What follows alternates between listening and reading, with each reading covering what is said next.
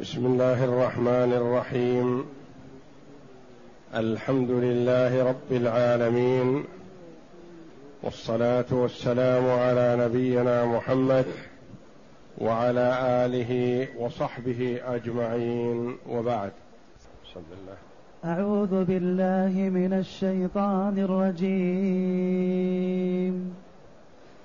الذين يظاهرون منكم من نسائهم ما هن أمهاتهم إن أمهاتهم إلا اللائي ولدنهم وإنهم ليقولون منكرا من القول وزورا وإن الله لعفو غفور والذين يظاهرون من نسائهم ثم يعودون لما قالوا فتحرير رقبة فتحرير رقبة من قبل أن يتماسا. ذلكم توعظون به والله بما تعملون خبير. فمن لم يجد فصيام شهرين متتابعين من قبل أن يتماسا فمن لم يستطع فإطعام ستين مسكينا. ذلك لتؤمنوا بالله ورسوله وتلك حدود الله وللكافرين عذاب أليم. هذه الآيات الكريمة من سورة المجادلة. جاءت بعد الآية الأولى منها وهي قوله جل وعلا قد سمع الله قول التي تجادلك في زوجها وتشتكي إلى الله والله يسمع تحاوركما إن الله سميع بصير. الذين يظاهرون منكم من نسائهم ما هن أمهاتهم. الآيات. بعدما سمع الله جل وعلا للمرأة المجادلة للنبي صلى الله عليه وسلم التي ظاهر منها زوجها وأرادها فامتنعت وأبت حتى يحكم الله ورسوله فيهما. ذهبت إلى النبي صلى الله عليه وسلم وأخبرته بما حصل فقال عليه الصلاة والسلام ما أراك إلا حرمت عليه لأن هذا الظهار كان نوع من أنواع الطلاق في الجاهلية. الطلاق والظهار والإيلاء كانت معروفة في الجاهلية. يقولها من أراد فراق زوجته. إلا أن هذه المرأة طمعت فيما عند الله جل وعلا من الكرم والجود واللطف والإحسان والرفق بعباده ورأت أن ظهار زوجها منها بعدما كبرت وانتهى ولدها وصار لا يرغب في الزواج منها وذكرت أولادا صغارا إن تركتهم عند أبيهم ضاعوا وهو شيخ كبير ضعيف. وإن أخذتهم معها جاعوا من ينفق عليهم. وتضرعت إلى الله جل وعلا وكررت المجادلة. للنبي صلى الله عليه وسلم وقالت إنه لم يذكر طلاقا والمعروف في الفراق بعد بعثة محمد صلى الله عليه وسلم وفي صدر الإسلام هو الطلاق. وأما الظهار والإيلاء فكان من طلاق الجاهلية وكرت بأنه لم يذكر طلاقا ولعل عنده لها الحل. فقالت فقال عليه الصلاة والسلام ما عندي إلا ما ذكرت لك ما عندي في أمرك شيء. فقالت عندك في كل حاجة تشريع. وبيان وإيضاح وحاجتي هذه ما نزل عليك فيها شيء إني أتوجه إلى الله وأضرع إلى الله فأنزل الله جل وعلا الفرج والمخرج مع اللوم والعتاب والتوبيخ لمن خرج عن تعاليم الشريعة الإسلامية السمحة. فالواجب على المسلم أن يكون في جميع أحواله مؤتمرا بأمر الله منتهيا عما نهى الله عنه في حال غناه وفي حال فقره وفي حال صحته وفي حال مرضه وفي حال رضاه وفي حال غضبه. في جميع أحواله ما يخرج عما شرعه الله جل وعلا في كتابه العزيز أو على لسان رسوله صلى الله عليه وسلم. ولا يخرج عن الشرع برأيه أو باستحسانه أو تركه لشيء استقباحا له بل يكون مؤتمرا بأمر الله منتهيا عما نهى الله عنه. وما كان لمؤمن ولا مؤمنة إذا قضى الله ورسوله امرا أن يكون لهم الخيرة من أمرهم. على المسلم أن يقول سمعنا وأطعنا غفرانك ربنا وإليك المصير. فنزل على رسوله صلى الله عليه وسلم قد سمع الله قول التي تجادلك في زوجها وتشتكي إلى الله. والله يسمع تحاوركما. عائشة معهم في الحجرة والحجرة صغيرة وتسمع بعض كلام خولة ويخفى عليها بعض كلامها. يخفى على عائشة لأنها لأن المرأة تخاطب النبي صلى الله عليه وسلم. والله جل وعلا أمر عباده بأن لا يرفعوا أصواتهم في مخاطبة النبي صلى الله عليه وسلم تادبا معه عليه الصلاة والسلام. فكانت تخاطبه كما أمرها الله. فيخفى بعض كلامها على عائشة. فأنزل الله جل وعلا والله يسمع تحاوركما. إن الله سميع بصير. سميع لأقوالكم. وإن خفيت وإن أسررتم بها بصير بأعمالكم وبصير بأحوالكم. فهو جل وعلا كما ثبت في الحديث يرى ويسمع. دبيب النملة السوداء على الصخرة الصماء في ظلمة الليل.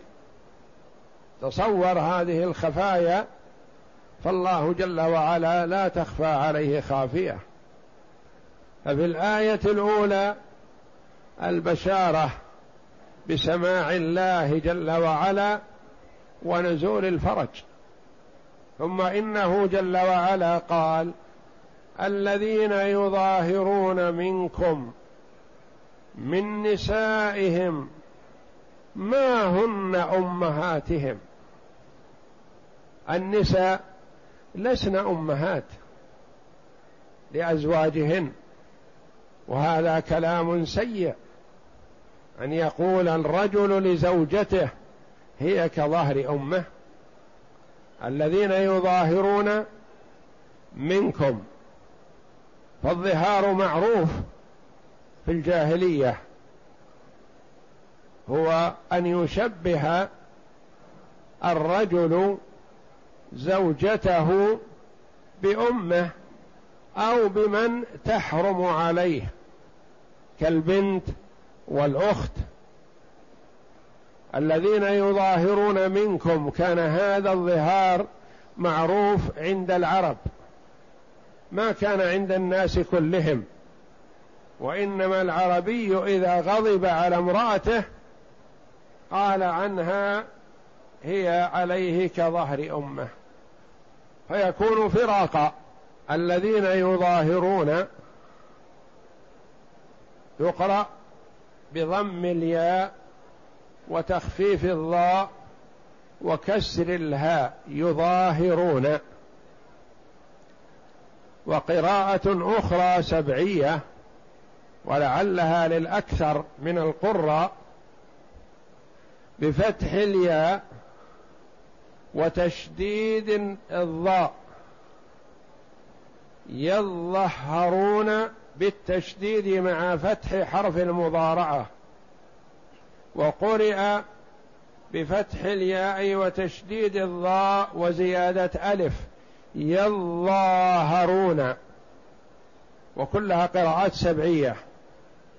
الذين يظاهرون أو يظاهرون أو يظهرون بأن يقول عن امرأته هي عليه كظهر أمه. وكلمة الظهار وظهر وهي عليه كظهر مشتق من الظهر وهو في اللغة العلو فظهر عليه بمعنى على عليه. والرجل امرأته له ظهر بأنه يعلو عليها. ما هن أمهاتهم؟ هذا لوم وتوبيخ لمن قال هذا القول فهو كاذب. في قوله والزوجة ليست كالأم. ما هن أمهاتهم؟ وفي قراءة ما هن أمهاتهم؟ ما حجازية ترفع الأول وتنصب الثاني الذي هو الخبر. وعلى لغة تميم وأهل نجد هي تدخل على المبتدا والخبر فلا تؤثر فيهما. يبقيان مرفوعان وإن كان أحدهما ضمير فهو في محل رفع. ما هن؟ هذا المبتدا. أمهاتهم على قراءة الرفع خبر المبتدا. وعلى قراءة النصب. ومن المعلوم نصب أمهات بالكسرة. ما هن أمهاتهم؟ على أنها خبر ما الحجازية. إن أمهاتهم إلا اللائي ولدنهم. ما أمهاتهم إلا التي ولدنهم. اللاتي ولدنهم. هذه الأمهات. وأما الزوجة فلا يصح ولا يليق ولا يناسب ادبا أن يجعلها بمثابة أمة أو يحرمها كتحريم أمة. إن أمهاتهم إن هنا نافية وليست مخففة من الثقيلة لأن بعدها إلا. إن أمهاتهم إلا اللائي ولدنهم. يعني ما أمهاتهم حقيقة إلا اللائي ولدنهم التي ولدته ويلحق بها أمهات من الرضاعة ويلحق بها أمهاتها اللاتي هن أمهات المؤمنين زوجات النبي صلى الله عليه وسلم في الاحترام والتقدير والحرمة حرمة النكاح دون الوراثة أو المحرمية. إن أمهاتهم إلا اللائي ولدنهم هذه الأمهات الحقيقية. ثم زاد جل وعلا في العتاب والتوبيخ فقال وإنهم ليقولون منكرا من القول وزورا. اولا الإخبار بسماع الله جل وعلا لما دار من الحديث والبشارة بنزول الفرج. ثم التأديب واللوم. ثم التوبيخ الذي هو أعلى. ليوطن المرء نفسه لما سيحكم الله جل وعلا عليه به. وليستسهل بعد هذا اللوم والتوبيخ ما يفرضه الله جل وعلا من كفارة. وإنهم ليقولون أي الذين يقولون هذا القول ليقولون منكرا من القول وزورا. فهذا القول منكر أي مخالف للشرع وهو زور. والزور أشد أنواع الكذب منكر وزور. وإنهم ليقولون منكرا من القول وزورا. فلما وجه جل وعلا عباده ولامهم على هذا القول لام من يقول هذا القول. وزاد في اللوم بالتوبيخ جاء الفرج. من الله جل وعلا بقوله وإن الله لعفو غفور. يصدر منكم أمور عظائم. فلا تيأسوا من رحمة الله ولا تيأسوا من مغفرة الله. فالمسلم يحذر أن يقع في المنكر يحذر أن يقع في الزور يقع يحذر أن يقع في الكبيرة من كبائر الذنوب خشية أن ينزل عليه غضب الله ومقته.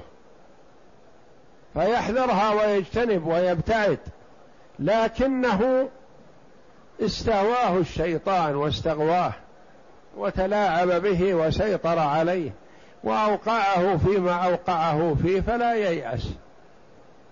لا ييأس من رحمة الله. وإن الله لعفو غفور. يعفو عن عبده إذا تاب وأناب واستغفر ورجع إليه. فالله جل وعلا لا يطرده ولا يغلق أبواب الرحمة دونه بل يتلقاه. وغفور عفو غفور. صيغة مبالغة. يعني أخذ جل وعلا في العفو والمغفرة منتهى ذلك. وإن الله لعفو بليغ العفو غفور بليغ المغفرة يغفر مع الذنوب العظائم. يا ابن آدم لو أتيتني بقراب الأرض خطايا ثم لقيتني لا تشرك بي شيئا لاتيتك بقرابها مغفرة. وإنهم ليقولون منكرا من القول وزورا. إلى هنا ما جاء الحكم الذي أراد الله جل وعلا تشريعه للعباد. كل هذه موطئة. ومعلنة للعباد بأن هذا القول قول سيء وهذا منكر وهذا يستحق صاحبه العقوبة الشديدة لولا عفو الله. ثم جاء بيان الكفارة بعد ذلك. اقرأ. يقول الإمام أحمد حدثنا سعيد بن إبراهيم عن يوسف بن عبد الله بن عبد السلام عن خويلة بنت ثعلبة قالت عن عن يوسف. عن يوسف بن عبد الله بن سلام. بن سلام عبد الله يوسف ابن عبد الله بن سلام اليهودي الذي أسلم رضي الله عنه وأرضاه. نعم. عن خويلة بنت ثعلبة قالت تدعى خويلة وتدعى خولة. نعم. قالت في والله وفي أوس بن الصامت أوس زوجها أوس بن الصامت رضي الله عنه. أخو عبادة ابن الصامت رضي الله عنهما. نعم. أنزل الله أنزل الله صدر سورة المجادلة. قالت كنت عنده وكان شيخا كبيرا قد ساء خلقه. قالت فدخل علي يوم فراجعته بشيء فغضب راجعته يعني حصل بين الزوجة بينها وبين زوجها مراجعة مجادلة مكالمة في أمر ما أغضبته. يؤخذ من هذا أنه لا ينبغي للمرأة أن تراجع زوجها لأن الزوج له القوامة وله العلو وإنما تتلطف به. فإذا أمر أمرا جازما في غير معصية الله فتسارع. ولا تقف. ولا تحاول أن تجعل رأيها فوق رأيه وقولها فوق قوله لأن الله جل وعلا يقول الرجال قوامون على النساء فإذا رادت المرأة زوجها وقع مشاكل أولا قد يجر هذا إلى الطلاق ثم قد يجر إلى طلاق لا رجعة فيه. أو يجر إلى ظهار ثم يجر إلى تشتيت الأولاد ثم إنه درس سيء للأولاد. إذا سمع الأولاد أمهم وأباهم يتجادلون ويتخاصمون عند أمور بسيطة نشأوا محبين للجدال والخصام والمعارضة. ما دام أمهم تعارض أباهم وأبوهم يعارض أمهم ينشأون على هذا تكون هذه مدرسة سيئة. وإنما كلما تلطف الزوجان أحدهم بالآخر نشأ الأولاد بإذن الله كذلك. ينشأون في بيت هادئ متفاهم متعاون فيستفيد الجميع وينشأون نشأة حسنة. فراجعته بشيء فغضب فقال أنت علي كظهر أمي. وهذا كان أول ظهار في الإسلام. وحصل بعده ظهار سلمة بن صخر. يقول إنه كان دخل عليه رمضان فكان يخشى أن يقع على زوجته سحرا فيستمر معها حتى يطلع الفجر ولا يستطيع أن ينزع. فظاهر من زوجته شهر رمضان كله. ليله ليله نعم ليله أما نهاره فمن المعلوم أنه محرم. ظاهر بأن لا يمسها لا ليلا ولا نهارا في رمضان. فلاحت له أو لاح لها خلخالها في يوم من في ليلة من الليالي بضوء القمر فتحرك الشهوة فوثب عليها وقد ظاهر منها. فذهب إلى النبي صلى الله عليه وسلم يسأله كما قد سيمر علينا إن شاء الله. نعم. فقال أنت علي كظهر أمي؟ قالت ثم خرج في مجلس في نادي قومه ساعة ثم دخل علي فإذا هو يريد فإذا خرج بعد هذه الملاحة منها والمغاضبة خرج إلى نادي قومه ليجلس مجلسهم مجلس الحي الذي هو فيه. فهدى ثم رجع إلى زوجته يريد منها ما يريد الزوج من امرأته. نعم. ثم دخل علي فإذا هو يريدني عن نفسي. قالت قلت كلا والذي نفس خويلة بيده لا تخلص إلي. ما تخلص إلي ولا تصل إلي وقد قلت ما قلت. والذي نفس خويلة تعني نفسها بيده. الذي هو الله. أقسمت بالله. قالت ما تقرب مني. الآن وقد قلت ما قلت حتى يحكم الله ورسوله فينا. حتى يحكم الله ورسوله فينا بحكمه. قالت فواثبني فامتنعت منه فغلبته بما تغلب بما تغلب به المرأة الشيخ الضعيف. عزم عليها وأرادها بالقوة لكنها صارت هي أقوى منه هي أنشط منه. فدفعته عنها. نعم. فألقيته عني. قال ثم خرج خرجت قالت ثم خرجت إلى بعض جاراتي فاستعرت منها ثيابا. ثم خرجت حتى جئت إلى رسول الله ما عندها ثياب تصلح أن تذهب بها إلى الرسول صلى الله عليه وسلم. ما عندها ثياب كاملة. فاستعارت من بعض جاراتها ما تلبسه لتذهب إلى النبي صلى الله عليه وسلم. نعم. ثم خرجت حتى جئت إلى رسول الله صلى الله عليه وسلم فجلست بين يديه والمسلم إذا عرضه أمر من الأمور الشرعية يرجع إلى أهل الشرع ولا يستشير عامي مثله أو من هو أجهل منه كما حال كما هو حال كثير منا اليوم. إذا وقع في مشكلة أو في خطأ في العمرة أو كذا سأل أي شخص ولو أنه أجهل منه. ثم قد يبعده عن الصواب أكثر مما كان من قبل. بجهل المسؤول فالمرء إذا حصل له مشكلة يرجع في حلها إلى أهلها. والصحابة رضي الله عنهم من الرجال والنساء إذا حصل عندهم أي إشكال توجهوا إلى النبي صلى الله عليه وسلم.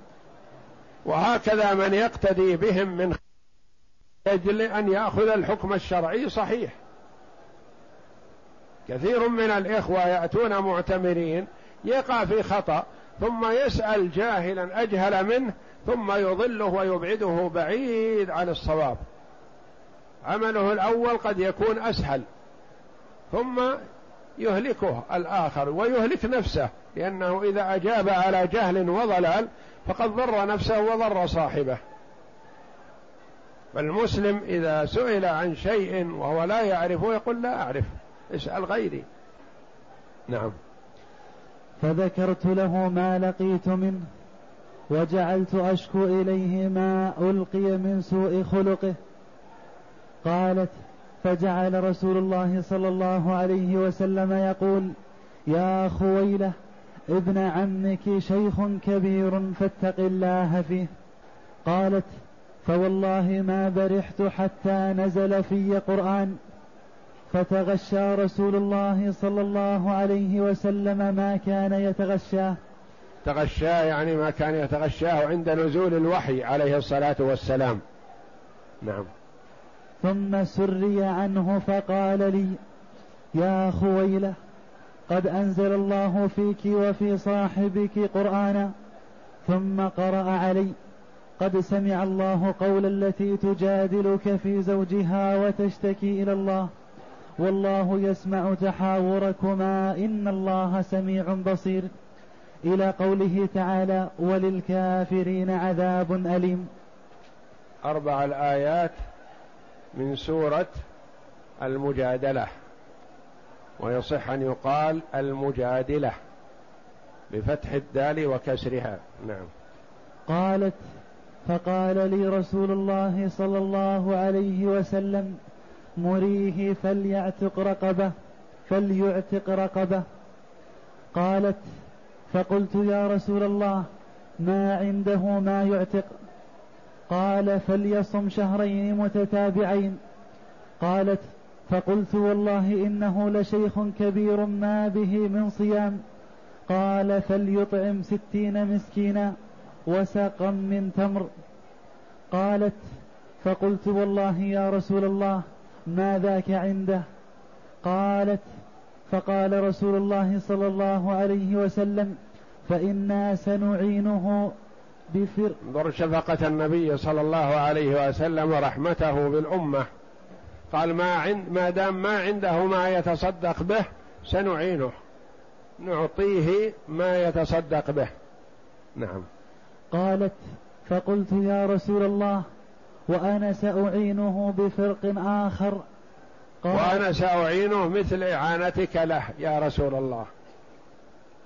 وتضافرت الجهود من النبي صلى الله عليه وسلم وحتى المرأة شفقة ورحمة بزوجها ولئلا يلحقه الدين قالت سأعينه. نعم. قال قد أصبت وأحسنت فاذهبي فتصدقي به عنه. ثم استوصي بابن عمك خيرا. قالت ففعلت.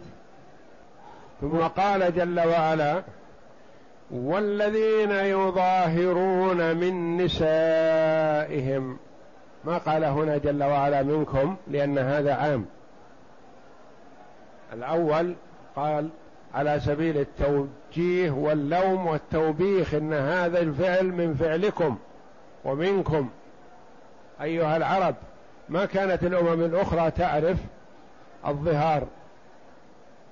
ثم قال جل وعلا والذين يظاهرون من نسائهم يعني يصدر منهم هذا القول مع أنه قول سيء ثم يعودون لما قالوا يعودون لما قالوا ومثلها يعودون إلى ما قالوا فاللام وإلى يتناوبان ويؤديان مفهوما واحدا كما في قوله جل وعلا يعظكم الله أن تعودوا لمثله مثل إلى مثله وقال فاهدوهم إلى صراط الجحيم فاهدوهم إلى صراط الجحيم ومثله فاهدوهم لصراط الجحيم. ثم يعودون لما قالوا يعني يعود يرجع ويندم ويتحسف ويتأسف على ما صدر منه. ماذا عليه؟ ويعودون ثم يعودون لما قالوا فتحرير رقبة. فعليه إذا ندم وتراجع عما قال أن يعتق رقبة. لأن الأمر كبير وليس بسهل. فتحرير رقبة. من قبل أن يتماسا يعني قبل أن يمسها وقبل أن يجامعها أو يستمتع منها بشيء يحرر الرقبة اولا ثم تحل له امرأته. ما استطاع الرقبة لأن ما كل واحد يستطيع الرقبة. وخاصة في عصر الصحابة رضي الله عنهم الكثير منهم فقراء. ما يستطيع. جعل الله له الكفارة بالصيام صيام شهرين متتابعين يلزم فيهما التتابع. فإن قطعهما لغير عذر لزم أن يستأنف. فإذا كان على المرء صيام شهرين متتابعين كفارة قتل خطأ. أو كفارة جماع في نهار رمضان أو كفارة عن الظهار فإن عليه أن يواصل فإن قطع التتابع استأنف من جديد إلا إذا كان قطع التتابع لعذر كأن يكون مثلا لمرض لا يستطيع الصيام. أو قطع التتابع لأنه هل عليه صيام رمضان. إذا بدأ مثلا في صيام الكفارة في شعبان فصام مثلا من شعبان عشرين يوما أو خمس وعشرين يوما أو من شعبان ومن رجب مثلا صام خمسين يوما ثم دخل عليه رمضان فيصوم رمضان. ويفطر يوم العيد ولا يقطع التتابع لأن فطر يوم العيد واجب. ثم يستأنف ثاني يوم من شوال يكمل صيام الشهرين ستين يوما. فالشهر الذي يصومه هلاليا من أوله إلى آخره يجزيه سواء كان ثلاثين أو تسعة وعشرين يوما. ويكمل إن صام شهرين هلاليين أجزآه بحسب سواء كان تسعة وعشرين يوما أو ثلاثين يوما. وإن صام من شهر وشهر في الوسط وشهر ثالث منه فيصوم الشهر الوسط هلالي ويصوم من هذا وذاك مجموع ثلاثين يوما. فإذا لم يجد الرقبة صام ثلاثين يوما ست فصيام شهرين متتابعين يلزم التتابع بينهما ويعذر فيما يعذر به في فطر رمضان. كالمرض والمرأة مثلا إذا كان عليها كفارة صيام شهرين متتابعين مثلا وحاضت في الأثناء فتفطر أيام حيضها ولا يقطع التتابع لأنه يلزمها الفطر حينئذ ثم تواصل بعد ذلك وتكمل. وليكن هذا قبل المسيس يعني قبل أن يمسها صيام شهرين متتابعين. فإن مسها في الاثناء فيرى كثير من العلماء أنه يقطع التتابع ويلزمها أن يستأنف. فإن مسها قبل أن يكفر فيجب عليه أن يتوقف ويمتنع حتى يكفر. فإن لم يستطع صيام الشهرين لمرض أو ضعف فعليه أن يطعم ستين مسكينا.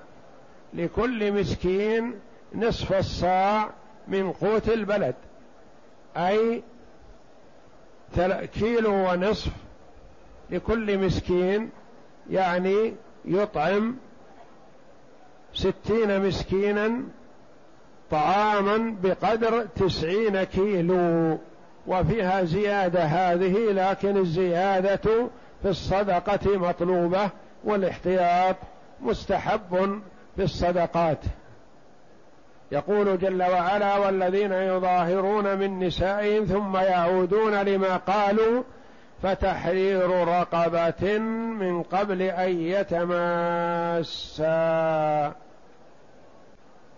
ذلكم يعني هذه الكفارة موعظة وزاجر للمسلم من أن يقع في هذا المنكر من القول.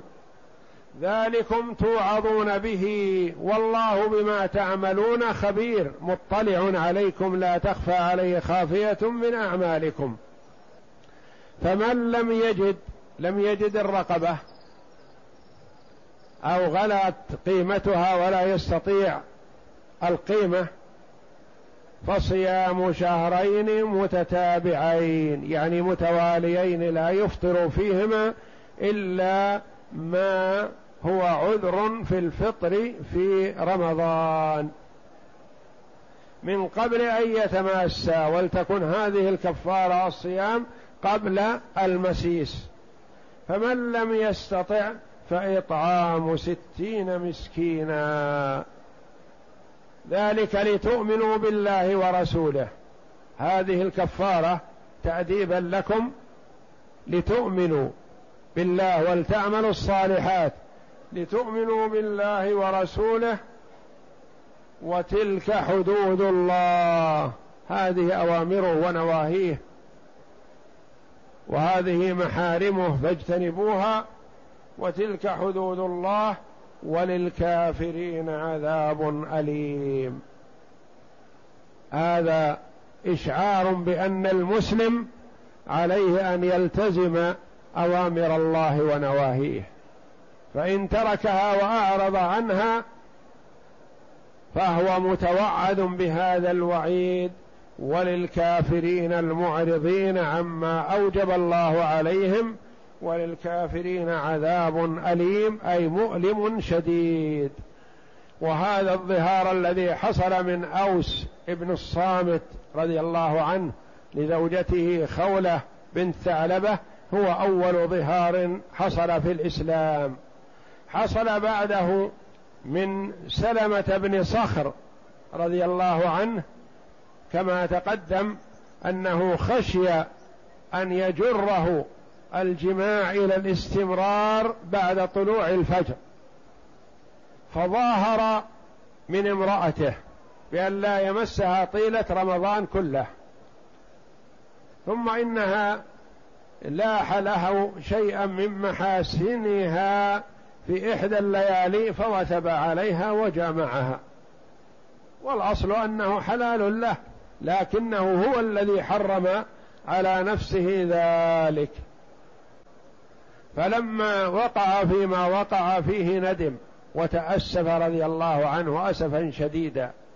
ثم ذهب إلى قومه فقال يا قومي حصل كيت وكيت هلموا معي إلى النبي صلى الله عليه وسلم لنخبره بما حصل وليحكم في بما أراه الله. فتبرأ منه قومه وقالوا لا نذهب معك إلى رسول الله. نخشى أن ينزل فينا شيء من الله. نخشى أن يغضب علينا رسول الله صلى الله عليه وسلم. وإنما أنت الذي فعلت ما فعلت فتحمل ما يصدر من رسول الله صلى الله عليه وسلم نحوك. يقول فذهبت فخرجت فأتيت رسول الله صلى الله عليه وسلم فأخبرته خبري. فقال أنت بذاك؟ قلت أنا بذاك. يقول عملتها يعني واقعتها وأنت مظاهر منها. قال ثانية أنت بذاك؟ قلت أنا بذاك. قال ثالثة أنت بذاك؟ قلت أنا بذاك.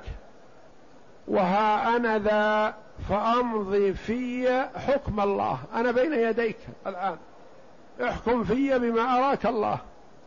مستسلم لأمر الله وأمر رسوله. فإني صابر لذلك. أخبره النبي صلى الله عليه وسلم بالحكم لأنه قد نزل عليه حكم حكم الظهار. فقال أعتق رقبة. يا سلمة بن صخر أعتق رقبة. يقول فضربت عنقي بيدي فقلت لا والذي بعثك بالحق ما أصبحت أملك غيرها ما أملك غير هذه الرقبة. ما عندي عبيد ولا عندي أرقاء فأنا فقير. قال فصم شهرين متتابعين. قلت يا رسول الله هل أصابني ما أصابني إلا في الصيام؟ أنا وقعت بماذا؟ بسبب تحريم زوجتي في وقت الصيام. فأخشى أن أصوم فإذا تمثنيت في الصيام وقعت عليها فبدأنا من جديد. وهل وقعت فيما وقعت فيه إلا من الصيام؟ قال فأطعم ستين مسكينا. قلت والذي بعثك بالحق لقد بتنا ليلتنا هذه وحشا ما لنا عشاء يقول جائعين أنا وأهلي بتنا جياع منين أطعم ستين مسكين؟ وأنا ما أجد شيء أطعمه نفسي وولدي. قال اذهب إلى صاحب صدقة بني زريق فقل له فليدفعها إليك. فأطعم عنك منها وسقا ستين مسكينا ثم استعن بسائرها عليك وعلى عيالك. شوف شفقة النبي صلى الله عليه وسلم. اذهب إلى الموكل بقبض صدقة وزكاة بني زريق. وقل له يعطيك ما عنده ما جمعه من الزكاة. وأطعم ستين مسكينا والباقي لك ولعيالك. فرجعت إلى قومي فقلت وجدت عندكم الضيق وسوء الرأي ووجدت عند رسول الله صلى الله عليه وسلم السعة والبركة أمر لي بصدقتكم هم جماعته. فادفعوها إلي فدفعوها إلي. الرسول عليه الصلاة والسلام رؤوف رحيم بالأمة. إذا سئل عن الحكم فإنه يبينه ويتلطف عليه الصلاة والسلام مع السائل حتى يستفيد من توجيهه صلى الله عليه وسلم وتعليمه وهو عليه الصلاة والسلام النبه. قال أنت بذاك ثلاث مرات. يقول كيف تفعل وأنت قد ظاهرت؟ كيف تفعل؟ يقول حصل ما حصل فاحكم في بما أراك الله. وفي هذه الآيات الكريمة بين جل وعلا أن الظهار منكر من القول وزور وأنه لا يجوز للمرء أن يظاهر فإن فعل فيجب عليه أن يستغفر ويتوب إلى الله جل وعلا ويندم لأنه فعل منكرا من القول وزور ثم يأتي بالكفارة كما أمر الله جل وعلا فإن كان يستطيع العتق أعتق فإن لم يستطع العتق صام شهرين متتابعين فإن لم يستطع الصيام أطعم ستين مسكينا. والله أعلم. وصلى الله وسلم وبارك على عبد ورسول نبينا محمد وعلى آله وصحبه أجمعين.